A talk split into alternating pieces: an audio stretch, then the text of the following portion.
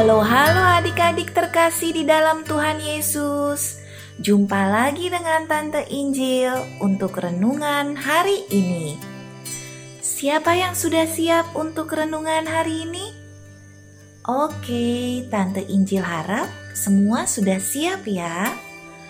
Mari adik-adik kita berdoa sebelum kita mulai renungan hari ini. Tante Injil yang akan pimpin doa. Tuhan Yesus yang baik, kami mau memulai renungan hari ini. Kiranya Tuhan Yesus menyertai kami agar kami memahami firman Tuhan. Terima kasih Tuhan Yesus. Amin. Adik-adik, mari kita buka Alkitab kita. Renungan hari ini diambil dari 1 Samuel 17 ayat 34 sampai 35a. 1 Samuel 17 ayat 34 sampai 35a. Tante Injil yang akan bacakan ya. 1 Samuel 17 ayat 34 sampai 35a. Tetapi Daud berkata kepada Saul, "Hambamu ini biasa menggembalakan kambing domba ayahnya. Apabila datang singa atau beruang yang menerkam seekor domba dari kawanannya, maka aku mengejarnya, menghajarnya, dan melepaskan domba itu dari mulutnya.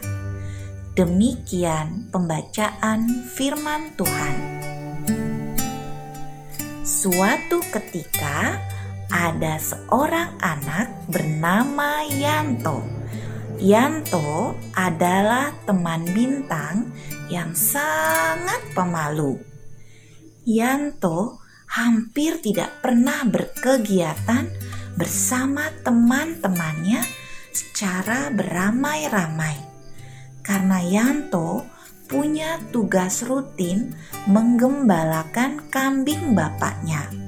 Sehingga hampir tidak ada yang tahu apa ya kemampuan Yanto dalam kegiatan ekstrakurikuler untuk olahraga atau bela diri sepertinya agak meragukan karena Yanto kurus sekali dan sepertinya sangat ringan badannya. Pada peringatan Hari Kartini di Sekolah Bintang, diadakan bermacam lomba olahraga dan kesenian yang harus diikuti oleh semua murid-murid semua murid harus terlibat dengan kemampuan masing-masing.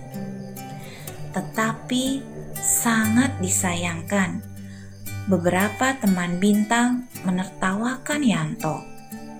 Mereka bilang, Yanto bisa ikut lomba apa ya? Yanto bisa apa sih?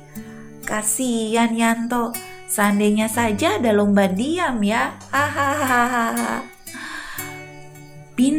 Yang cukup akrab dengan Yanto berusaha mengorek keterangan tentang minat Yanto. Meskipun pada awalnya Yanto malu-malu, akhirnya Yanto mengatakan bahwa dia suka nembang atau menyanyi. Yanto bisa melantunkan lagu-lagu berbahasa Jawa Selama menggembalakan kambing, itulah yang dilakukan Yanto.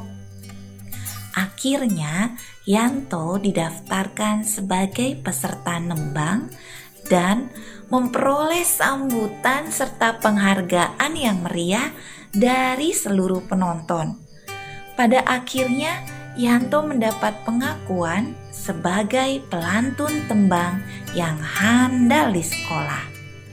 Nah, adik-adik, kita harus selalu ingat ya bahwa selalu ada kelebihan yang diberikan Tuhan kepada seseorang. Bahkan yang pendiam seperti Yanto sekalipun Tuhan berikan kelebihan. Yang kurus dan yang kecil sekalipun Tuhan juga berikan kelebihan. Sekian renungan hari ini. Mari kita tutup dengan doa. Bapa di surga, karena Tuhan menciptakan kami dengan istimewa, maka kami yakin bahwa selalu ada kemampuan lebih yang Tuhan berikan kepada kami. Terima kasih, Tuhan, dalam nama Tuhan Yesus. Amin. Sampai jumpa adik-adik di renungan berikutnya. Tetap jaga kesehatan ya, dan baca firman Tuhan. Bye bye.